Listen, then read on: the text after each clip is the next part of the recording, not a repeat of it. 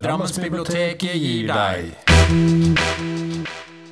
Jeg heter Lone Elisabeth Hansen, og jeg skal snakke om solkysten som krydder i, i livet, om gledene der nede, men også om dramatiske dager, og hvordan jeg har brukt eh, erfaringene mine til, eh, til en bok. Eh, med meg så er Arild Nygaard.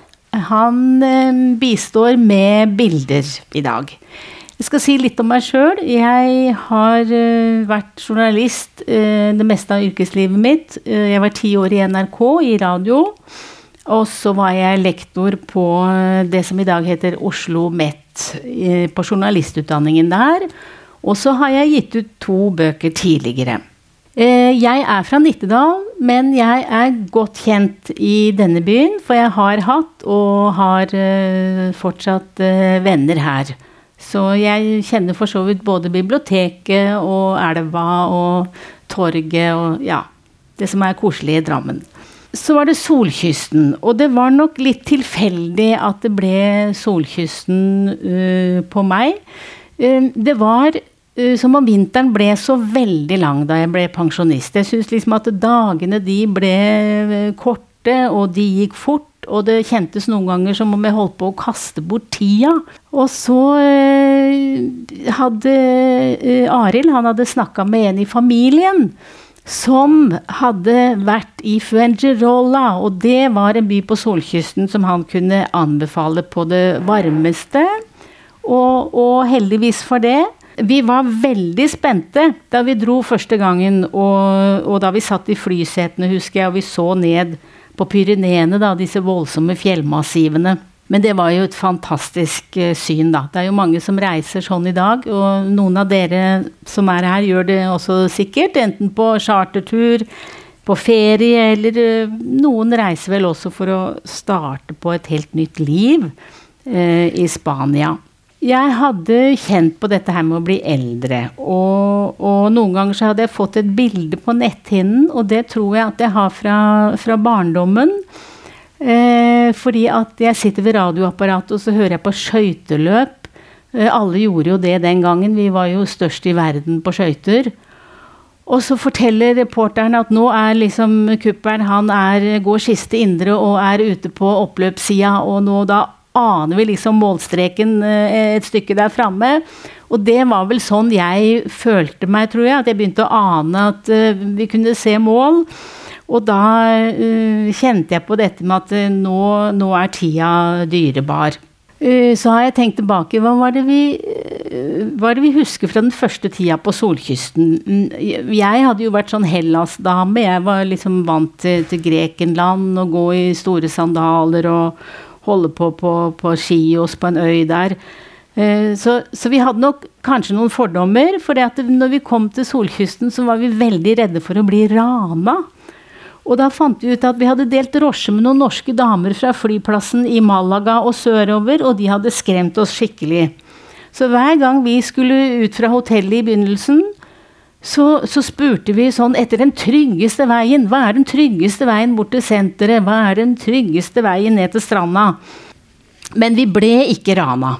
Eh, det var en gang en som spurte Arild hva klokka var. Det kom en bil eh, trillende eh, ved siden av oss, og, og vinduet ble sveiva ned. Og så var klokka, ja, den har vi hørt før. Og Arild skulle være høflig og stakk fram det gamle armbåndsuret, og da bare starta den bilen med et brøl og bare forsvant. De hadde nok sett for seg noe mer eh, sofistikert enn det gamle armbåndsuret. Eh, vi ble frista av eh, typiske eh, spanske spesialiteter, flamenco og Picasso, og så skulle vi få begge deler opp i en landsby som het Mias. Men der oppe var dansen avlyst pga. Av sterk vind, og da ble det god tid til Picasso uh, sine keramikkarbeider. Uh, men keramikk, det visste ikke jeg. Det var fra de årene som den store uh, spanske kunstneren arbeidet i verkstedet sitt i Provence. Det var visstnok en nedlagt parfymefabrikk. Og da gikk vi nysgjerrige dit. Vi slapp inn, selv om jeg tror vi så ut som Olsenbanden med svære sånne ryggsekker og caps. Etter en stund så ropte museumsvakten på oss, så ble vi vinka liksom tilbake. Hun ville jo ha ryggsekkene våre, for dette er jo verdier for ja, jeg vet ikke, sikkert millioner. Så, så slapp vi inn, da. Og da skal vi se noen eksempler på, på det som finnes av eh, Picassos arbeider. Eh, her er en bitte, bitte liten stein. Da snakker vi liten, liten gråstein og når vi kommer nærmere nå, så kan vi se at der har Picasso risset inn en scene fra en tyrefekterarena. Kan dere se det? Ja, og det er picadoren da, som sitter på, til hest, og som setter uh, spydet i nakken på tyren for å tirre dyret. Det er hans eneste oppgave. Så gikk vi inn og, og kikka her. Det er faunen. Det er eh, et eh, yndet motiv hos Picasso. Det er skogens gud, og det er fruktbarhetens gud. Og så så vi en mugge. Så fant jeg en mugge. Og det syns jeg var så morsomt, fordi at uh, Da begynte minnene å komme. Og da kom jeg tilbake til barndommen min. Eh, jeg var hjemme. Jeg ser for meg da mor. Hun kommer med mugger, og det er bringebærsaft. Og hun slår oppi glassene, og så klirrer det, og det er nemlig isbiter. Og isbiter var en sånn luksus da jeg var barn. Det var liksom noe av det fineste du kunne få i, i, for å få kaldt drikke. Og det hadde igjen sammenheng med at vi hadde fått vårt aller første kjøleskap. Så tenkte jeg, så gammel er man blitt at man husker det første kjøleskapet hjemme. Og det er litt morsomt at en stor kunstner da, eh, kan vekke sånne minner når du går rundt og, og tar deg tid. Så var vennligheten slående, syns jeg, i Spania. Og folk var vennlige i forretninger, eh, på gata. Eh, og så var også nordmenn plutselig så hyggelige. liksom, de ble så greie i sola og lyset, og det var så lett å snakke med folk fra liksom, Fredrikstad eller Drammen eller Romerike. Og som tipset hverandre om liksom, hvor kjøper du gode tomater, og hvor er det fint tapasted, osv. Så, videre. så var det dette med det spanske språket. Det er ikke lett, øh, men vi måtte lære oss noen ord, og det tror jeg ikke var buenos dias. God dag. Det var con og sin. Det betyr med og uten. Og det syns vi sto overalt. På etiketter, på, på mat, på, på, bokser. Og det er veldig viktig å vite den forskjellen når du skal kjøpe sånn druer og oliven og svisker. Uh, og vi kjøpte oliven en gang med Con et eller annet. Det er den til venstre. Og, og det viste seg å være oliven med bitte, bitte små ansjosbiter, og de var jo kjempegode. Så da var vi heldige. Men det andre her, vet ikke om noen snakker spansk her. det er i hvert fall sin gueso. Det er altså uh, ute er svi, uh, uh, svisker uten stein. Så begynte jeg å tenke bok, og da begynte jeg å notere. Det var jeg jo vant til. Skrive og pleier å ha sånne notisbøker i veskene mine og i ryggsekken og i lommene og sånn, men hva skulle det bli? Og jeg hadde jo kjent at jeg var på et sted i livet der jeg på sett og vis uh, leita meg fram. Og så skapte jeg Elna, da, hovedpersonen, og hun strever med å gi slipp på det gamle livet sitt, på jobben, på barndomshjemmet. Og det landskapet hun er så glad i, der hun bor, det endrer seg jo. Altså utviklingen uh, krever sitt. Og så har denne Elna, som jeg, uh, som jeg lager, eller skaper, hun har en kjæreste Leo, og han har også levd en stund. Og uh, de har ikke kjent hverandre så lenge. Uh, men de prøver nå å være et par, da, uh, om enn litt klossete. Men det, begge to er litt avventende, for at det skal ikke være felles ditt og felles datt og hele pakka liksom om igjen. Så, og, men det betyr jo at forholdet er litt skjørt. Eh, mellom disse to godt voksne. Og det får de testa på, på nyttårsaften når de sitter og, og, og, hygger seg, og så plutselig så finner de ut at de skal reise på tur sammen. Og, eh, men rett før avreisen så trekker Leo seg, for han har fått bestefarplikter. Så han kan ikke reise, og da blir jo Elna rasende, men så bestemmer hun seg for hun reiser aleine. Hun tvinger seg ut av komfortsonen.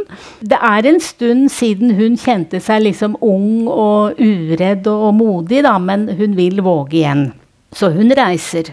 Jeg skal si om I det virkelige livet da, så, så opplever jo jeg øh, og vi øh, utstillinger og, og, reiser der nede som jeg da fant at jeg kunne bruke skjønnlitterært. Og jeg skal vise dere noen øh, eksempler på det. Det, det ene er et, en utstilling i Bymuseet i Fuengirola. Og det var en hel utstilling som var viet eldre mennesker. Det var en kjent fotograf som heter Heronimo Alba. Han ville hylle de eldre, uh, hadde han skrevet da, som introduksjon til utstillingen. Og de som hadde betydd noe for han. Det var jo veldig overraskende, syns jeg. Fordi, og da tenkte jeg på her hjemme i Norge, hvor ofte hører vi uh, de eldre omtalt på den måten det er veldig mye snakk innimellom om de eldre som en sånn, nesten som en litt fare, som en sånn eldre bølge som da kommer og, og som er veldig skremmende for de andre, for det blir dyrt med alle disse gamlingene osv. Men her var det liksom helt andre toner, da. Han ville hylle dem. Og dette er jo bakeren i byen. Og da kommer jeg også til å tenke på eh, bakeren i hjembygda mi som het Pettersen. Eh, var baker de var bakere i flere generasjoner, og han var baker hele livet. Og da fikk jeg også sånne fine minner om bakeriet hans, hvor han hadde laga en liten kafé med små bord og stoler, og dit gikk vi på søndager for å spise napoleonskake. Og da drakk vi cola. Den gangen drakk vi cola fra sånne små glassflasker med sugerør av papir. Skal vi se på en eh, herre til? Det er sjåføren. Dere ser han har et uh, fint glimt i øyet. Uh, til og med bilen hans var utstilt der. Uh, den, den, han har sikkert vært yrkessjåfør og kjørt rundt i byens hektiske gater der nede. Og når jeg så det der, så tenkte jeg liksom Jeg, jeg håper at han fikk den avslutningen som han fortjente, og den pensjonen og den takken som denne sjarmerende mannen fortjente. Og så fant jeg en strikkekafé. Og fordi verden er liten, så begynte det med at naboen min hjemme sang i kor med en dame som hadde slutta i koret fordi at hun ville reise til Spania og virkeliggjøre drømmen sin om egen forretning. Og henne fant jeg. Det var veldig morsomt. Dere ser disse, dette, svære, dette strikketøyet, disse svære strikkepinnene utenfor. Da. Hun heter Hanne Østby Farell. Og da skal vi ta en kikk inn. Der eh, er det ofte veldig god stemning rundt et uh, flott og gjestfritt bord. Og hun som sitter foran der, heter Svanhild Stubb. Hun er vel fra uh, Trøndelag. Og hun gjør det bra som kunstner. Still, har egne utstillinger og, og, og, maler bilder. Dere ser den plakaten midt i. 'Keep calm and knit on'. Så der, det, der er det et godt liv i, i hans forretning. Så skapte jeg noen strikkedamer. Solveig, Lisa og Felicia. Og de har veldig ulik bakgrunn, disse strikkedamene. Og de er veldig forskjellige. Så går jeg dem litt inn på, på livet, og de strikker. Og mens liksom strikkepinnene klirrer, så blir de jo bedre kjent. Og, og de er veldig ulike typer. Felicia hun liker seg best nede i Marbella. Der spilles det golf. Og, og, hun har liksom sans for litt sånn fine merker og, og, og, dyre vaner. Og hun har sånne joggesko i hvitt og gull, og der er ting liksom på stell. Og så er det Solveig, da. Hun har reist fra Halden. Og hun får pepper av de voksne barna sine, fordi at de ville gjerne hatt henne hjemme som, som eh, bestemor. Og, de syns hun har reist for langt og er for lenge borte. Men hun lengter sånn etter å leve. Hun vil så gjerne være ung igjen, uten forpliktelser, og sitte på kafé og tøyse og tulle. Ja, men hva med de hjemme, da? Så spør de andre damene. Ja, de får uh, klare seg selv, sier hun. Hvis de vil meg noe, så får de komme hit til Spania. Og da hever disse andre damene øyenbrynene, da, og, og veksler litt blikk, da. Den tredje, Lisa, hun har solgt hus og hytte og kjøpt bobil sammen med mannen sin. Men det går ikke helt som planlagt. og leve livet i denne bobilen. Da. Så hun forteller at innimellom så blir det veldig veldig trangt når hun og gubben spiller yatzy. Så får hun sånn klaustrofobiske anfall. Og hun får ikke dette her helt til å funke, da. Og han har til og med prestert å glemme bryllupsdagen deres. Eller så sitter hun veldig mye over mobilen og venter. Venter mens de andre prøver å fortelle henne at ja, men nå må du leve ditt eget liv, nå må du gjøre det du har lyst til, nå er, nå er det liksom din tur. Så hender det disse damene drikker vin og går litt i klinsj, og da hjelper det veldig godt å spille litt musikk da fra YouTube. Der ler de, og så gråter de litt noen ganger. Men en dag så bestemmer de seg for å ta helt fri fra strikketøy og fra sjelsliv. Jeg tror det er mens en av dem strever veldig med den ene tommelen, og, og det faller noen ukvemsord, for det er vanskelig med tomler. Men de vil være livskunstnere. De vil gripe dagen. Carpe diem, som det jo heter. Og da skal jeg lese et lite utdrag fra boka. Vi skulle ta toget og gå av i Carvajal litt lenger nord, og snakket om avstressing da vi hadde benket oss. Vi skulle stenge mobilene, ikke noe program. Ikke bare daffe formålsløst rundt, nei, men heller ikke lange ut for å komme raskest mulig fram. Flanere. Felicia så skeptisk på meg, som om hun grudde seg til det som kom. Flanere? Vi kunne vel legge ned et glass chablis, shoppe. Hun trengte en overdel som matchet et lyst lilla skjørt som hun aldri fikk brukt, fordi hun altså ikke hadde noe som passet til. Jeg valgte å overhøre dette tullpreiket. Vi skal stanse opp, vi skal ta inn lyset, snuse, undre oss. Livskunstnere gjør det sånn. Solveig hadde fått en loddrett strek mellom brynene. Ja, men det skal vel skje noe? Hun så på Lisa som må få støtte, og det fikk hun. Ikke noe program. Lisa hørtes skremt ut. Jeg måtte tenke etter. Å ja, rent og pent og sikkerhetsnåler, ja, det kunne vel fort bli litt for mye for henne, denne flaneringen. Men vi kommer til å bli overrasket, lovte jeg overmodig da vi sto på promenaden på Playa de Carvajal og kunne se den lange kyststripa bukte seg sørover. Jeg mente å se et blaff av forventning over damenes ansikter. Men vi må vel ha en til å sjefe? Nå må du bremse, Felicia. Men den sterkeste kommer jo til å ta styringen. Unnskyld meg, altså, men hvor lenge har dere levd, egentlig? Åh, jeg kunne ha dyttet henne over ende i sanda der hun sto, i hvit bluse og shorts og med de nye joggeskoene i gull og hvitt. Vi smurte oss grundig mot UV-strålene fra den lysende ildkula på himmelen og var spesielt omhyggelig med øreflippene, for Lisa minnet om at det kunne ende med amputasjon hvis vi glemte ørene. Solveig satte på seg solhatt med en diger, bølgende brem og tok telefonen opp fra sekken. Jeg setter i gang skrittelleren, jeg, jenter. Det gjør du ikke. Jeg snerret, ingen sa meg imot, og Solveig puttet lydig dette udyret tilbake i sekken. Damene drar på flere utflukter. Vi skal se Her sitter de en søndag på, på kirkeplassen midt i byen, og så bestemmer de helt på impuls at de skal gå til messe. Så vi blir med dem i boka til katolsk messe. Skal vi se et eksempel til? Dette er eh, et bilde fra landsbyen Alora. Det er en by som ø, reklameres med at den er veldig sånn egenartet, autentisk, og den ligger uh, inne i landet, et stykke inn i landet, og i god avstand til liksom hotellfasadene. Og så er vi med dem dit, og, og, hva de opplever der.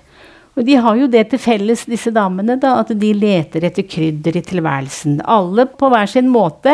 Og jeg har tenkt at det er jo ikke helt lett å finne ut hva man uh, har glede av her i livet.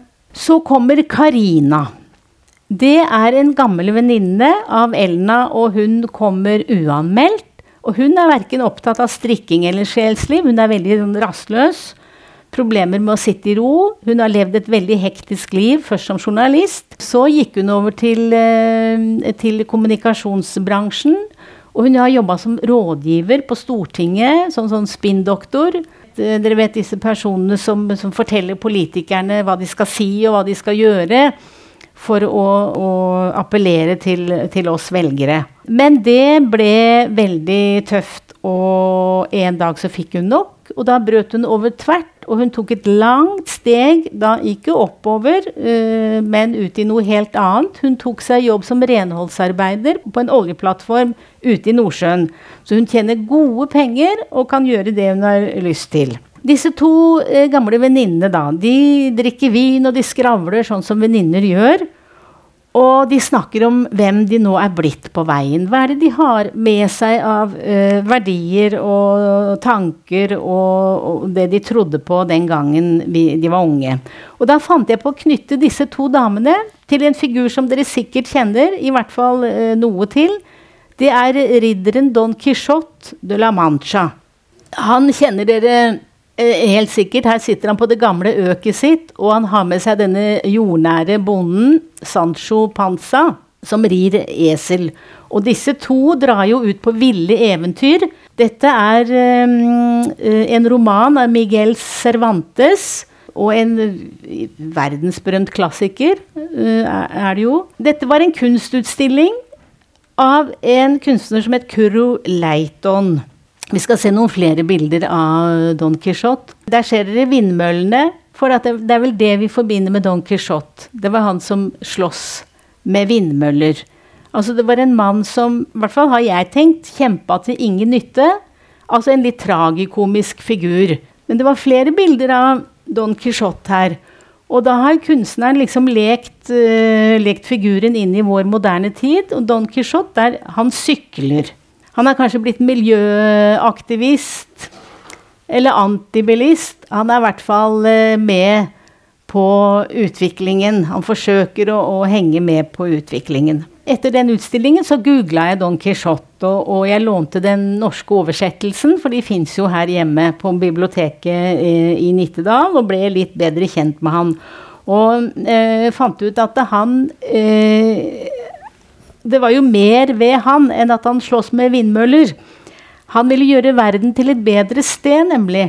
Og han ville følge sin egen vei. Han ville være modig, og han ville slåss for det han trodde på. Og, og med på den uh, eventyrferden som han reiste, så hadde han jo med seg bonden. Og han prøver å holde Don Quijote godt på, på jorda, da. Jeg har forstått det sånn at spanjolene de ser på Don Quijote, eh, ser på denne romanen som en fortelling om spenningen mellom idealer og drømmer og virkeligheten slik den egentlig er. Så jeg tenker at det å balansere drøm og virkelighet, det er uh, vel et dilemma som vi kan uh, kjenne oss igjen i. Og det er også noe som disse to gamle venninnene diskuterer etter å ha levd en stund. Så skjer det noe veldig fint med Elna. Hun går inn i en periode hvor hun liksom åpner seg for det spanske. Hun tar inn det, det fargerike, livligheten, varmen. Og hun skriver brev, eh, begeistrede brev hjem da til Karina eh, som er tilbake på, på oljeplattformen i Nordsjøen, og, og forteller at, liksom, om gledene som hun opplever. Så kommer Leo. Dere husker han med bestefarpliktene. Han kommer til solkysten på kort varsel, han også. Men det var så vidt han kom seg av gårde, forteller han når han kommer. For det var noe med et virus, det var noe med ei flaggermus i Wuhan som virker litt skremmende. Men de trekker på skuldrene uh, enn så lenge. Og alvoret har enda ikke liksom uh, gått uh, opp for folk. Men her får også leseren noen første tegn på den pandemien som kommer. Og, dette er uh, mot slutten av uh, boka. Uh, jeg skal si det om Leo at han har en helt annen bakgrunn enn Elna. Så, han, så de prøver å finne ut av det da, på solkysten. Han var til sjøs da han var ung.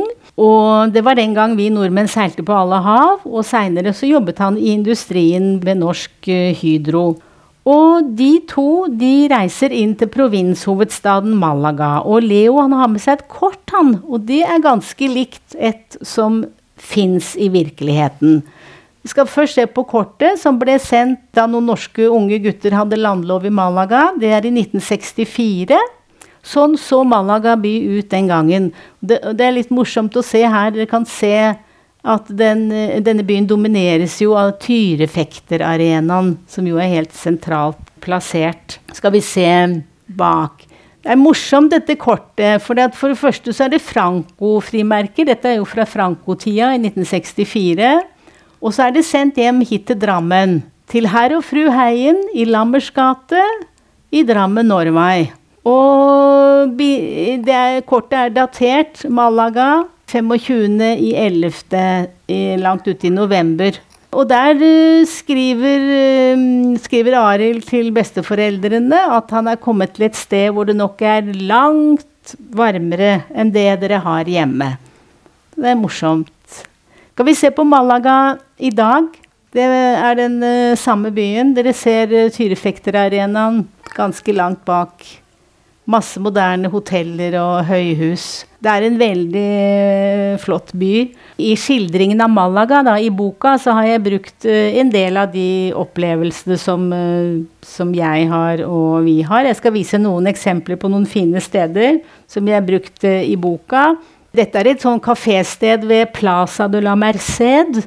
Det er en veldig unik og, og fin atmosfære. Og dit går Elna, da. Elna og Leo. Og sitter og tar seg en kald øl og ser på livet og bare sitter og ja, la tida gå. Vi skal se på en dansk kjenning. Det der er den danske eventyrfortelleren H.C. Andersen. Han har fått en flott skulptur da nede ved havna. Og skulptøren, som heter José Maria Cordoba, han har laget plass på benken der, så man kan sette seg ned. Og der er det en veldig morsom detalj, for det er H.C. Andersen har med seg en sånn veske med en sidelomme, og der kan vi se den lille, stygge andungen som, sånn stikker opp av sidelomma. Grunnen til den skulpturen er nok at H.C. Uh, Andersen var veldig forelsket og veldig glad i Malaga, og han skrev hjem i 1880-åra at um, ingen steder på sine mange reiser Han hadde reist veldig mye.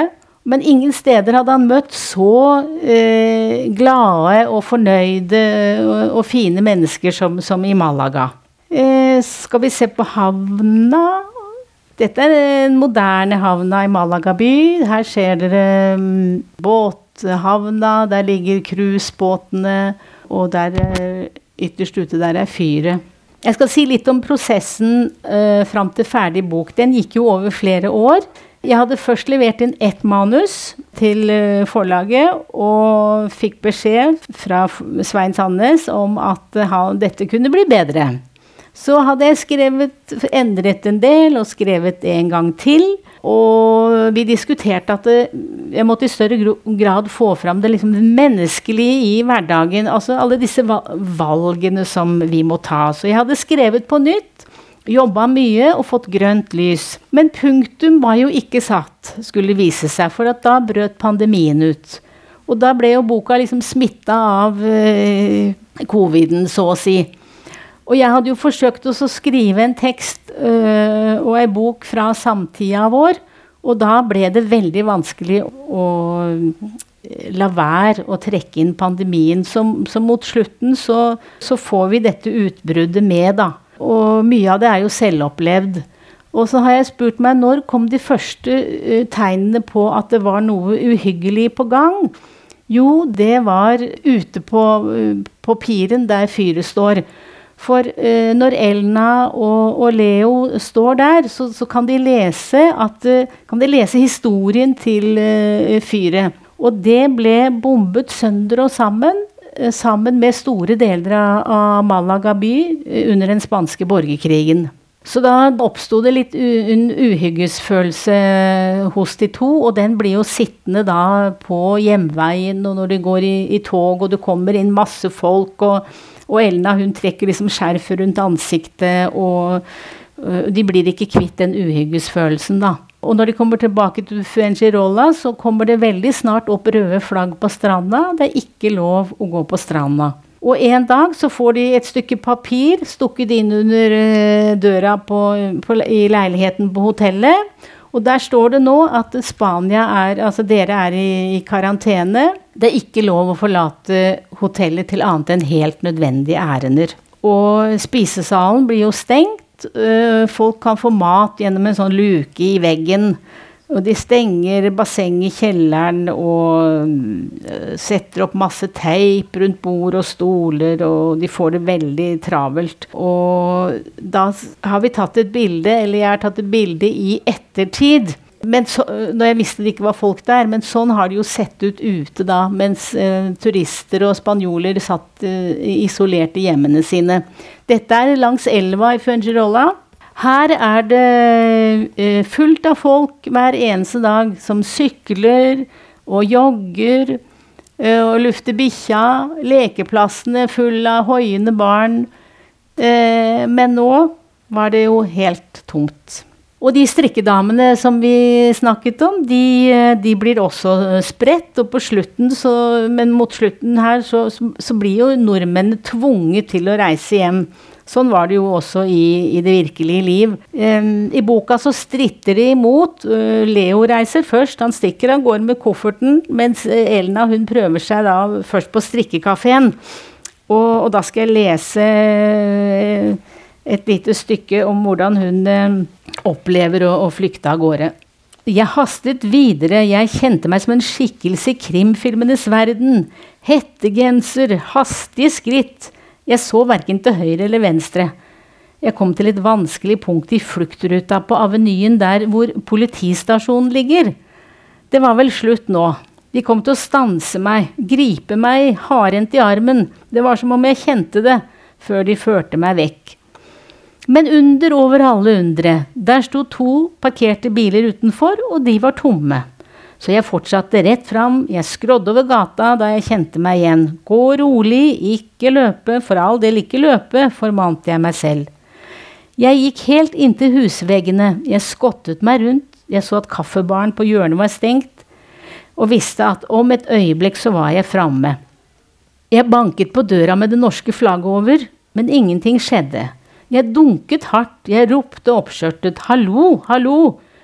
Jeg dunket en gang til før nøkkelen ble vridd rundt og Helenas forfjamsede fjes kom til syne i dørsprekken. Ja, men Elna, du kan ikke komme inn nå, vi er for mange her allerede. Please, Helena, jeg bønnfalt, jeg har ingen steder. Hun åpnet litt mer. Kom inn, damen, fort deg. Fort, fort. Og snart etter eh, dette så banker det på døra, og da er det spanske politifolk. Men eh, jeg skal ikke røpe mer av det opptrinnet. Men det ender med at strikkedamene, ikke alle, men noen av dem, de blir kjørt til flyplassen. Én og én, bare én i hver bil. Eh, drosjesjåførene har hansker og, og, munnbind, og så dundrer de av gårde på motorveien nordover, da, for de skal rekke et av de aller eh, siste flyene. Og på flyplassen så er det et hav av forvirrede folk. Eh, de har kjempevanskelig med å finne liksom hvor skal de stå, og hvor langt fra hverandre skal de stå. Og så uhyggen blir liksom sittende i nordmennene da, helt fram til de kommer eh, hjem. Og på Gardermoen der står jo Heimevernet og tar imot, så uhyggen blir jo ikke mindre av den grunn. Og på dette tidspunktet så er Elna veldig utmattet, og, og det er så vidt hun kreker seg da bort til den skranken hvor det står at uh, her kan folk få hjelp hvis de ønsker det. Jeg skal ikke uh, fortelle mer nå om hvordan det går med Elna, da. Men jeg skal si én ting. At på dette tidspunktet så var jo kunnskapen om utviklingen eh, blant smittede veldig Det var lite man visste. Og da fikk jeg veldig god hjelp ved Universitetssykehuset i Stavanger. De var veldig hjelpsomme. Og de kunne veilede meg i hva som var mulige scenarioer for de som ble smittet. Så, så, da måtte jeg bruke fagfolk, da, så det ikke skulle bli helt uh, sånn i det blå, da. Da skal jeg runde av med å vise dere noen inntrykk fra solkysten i ettertid. Fordi at vi har jo vært der eh, i de siste uh, Vi har vært der noen ganger de siste årene. Og vi var jo veldig spente, da. Eh, hvordan det var når vi kom ned, kom ned igjen. Det var en høsttur i november 2021. Da var det mindre folk, men det var livlig igjen i gatene. Det var ikke sånn som her. Vi gikk f.eks. For forbi en barnehage. Den var full av små unger. Og vi så over gjerdet og vinka begeistra til, til, de ungene. Og så oppdaga vi noe vi ikke hadde sett før. Hver eneste liten tass hadde et lite munnbind på seg. Så de var veldig, veldig nøye på sånt, da. Og de eh, ropte og liksom vinka noen av dem til oss, og jeg tenkte at vi har sikkert sett veldig rare ut med disse store ansiktene uten noen form for beskyttelse. Men ungene var flinke, da. Og så om kvelden så gikk vi til Spaniaplassen. Og det der er en sånn julekule. Den er jo veldig flott. Alle familiene var ute, hadde vi inntrykk av, og både små og store de hadde masker og de hadde beskyttet seg veldig godt. Og de kun, kan gå ut og inn i denne julekula, da. Og så var det boka, da. Hvor ble det av boka i dette? Jo, den kom fiks ferdig fra Sverige eh, i begynnelsen av det nye året. Og da tok jeg med en bok og gikk til strikkekafeen i Fuengirola. Så her er jeg litt kry da med ferdig bok i i dette garnriket til, til uh, Hanne. Da gjenstår det å takke for oppmerksomheten. Ja.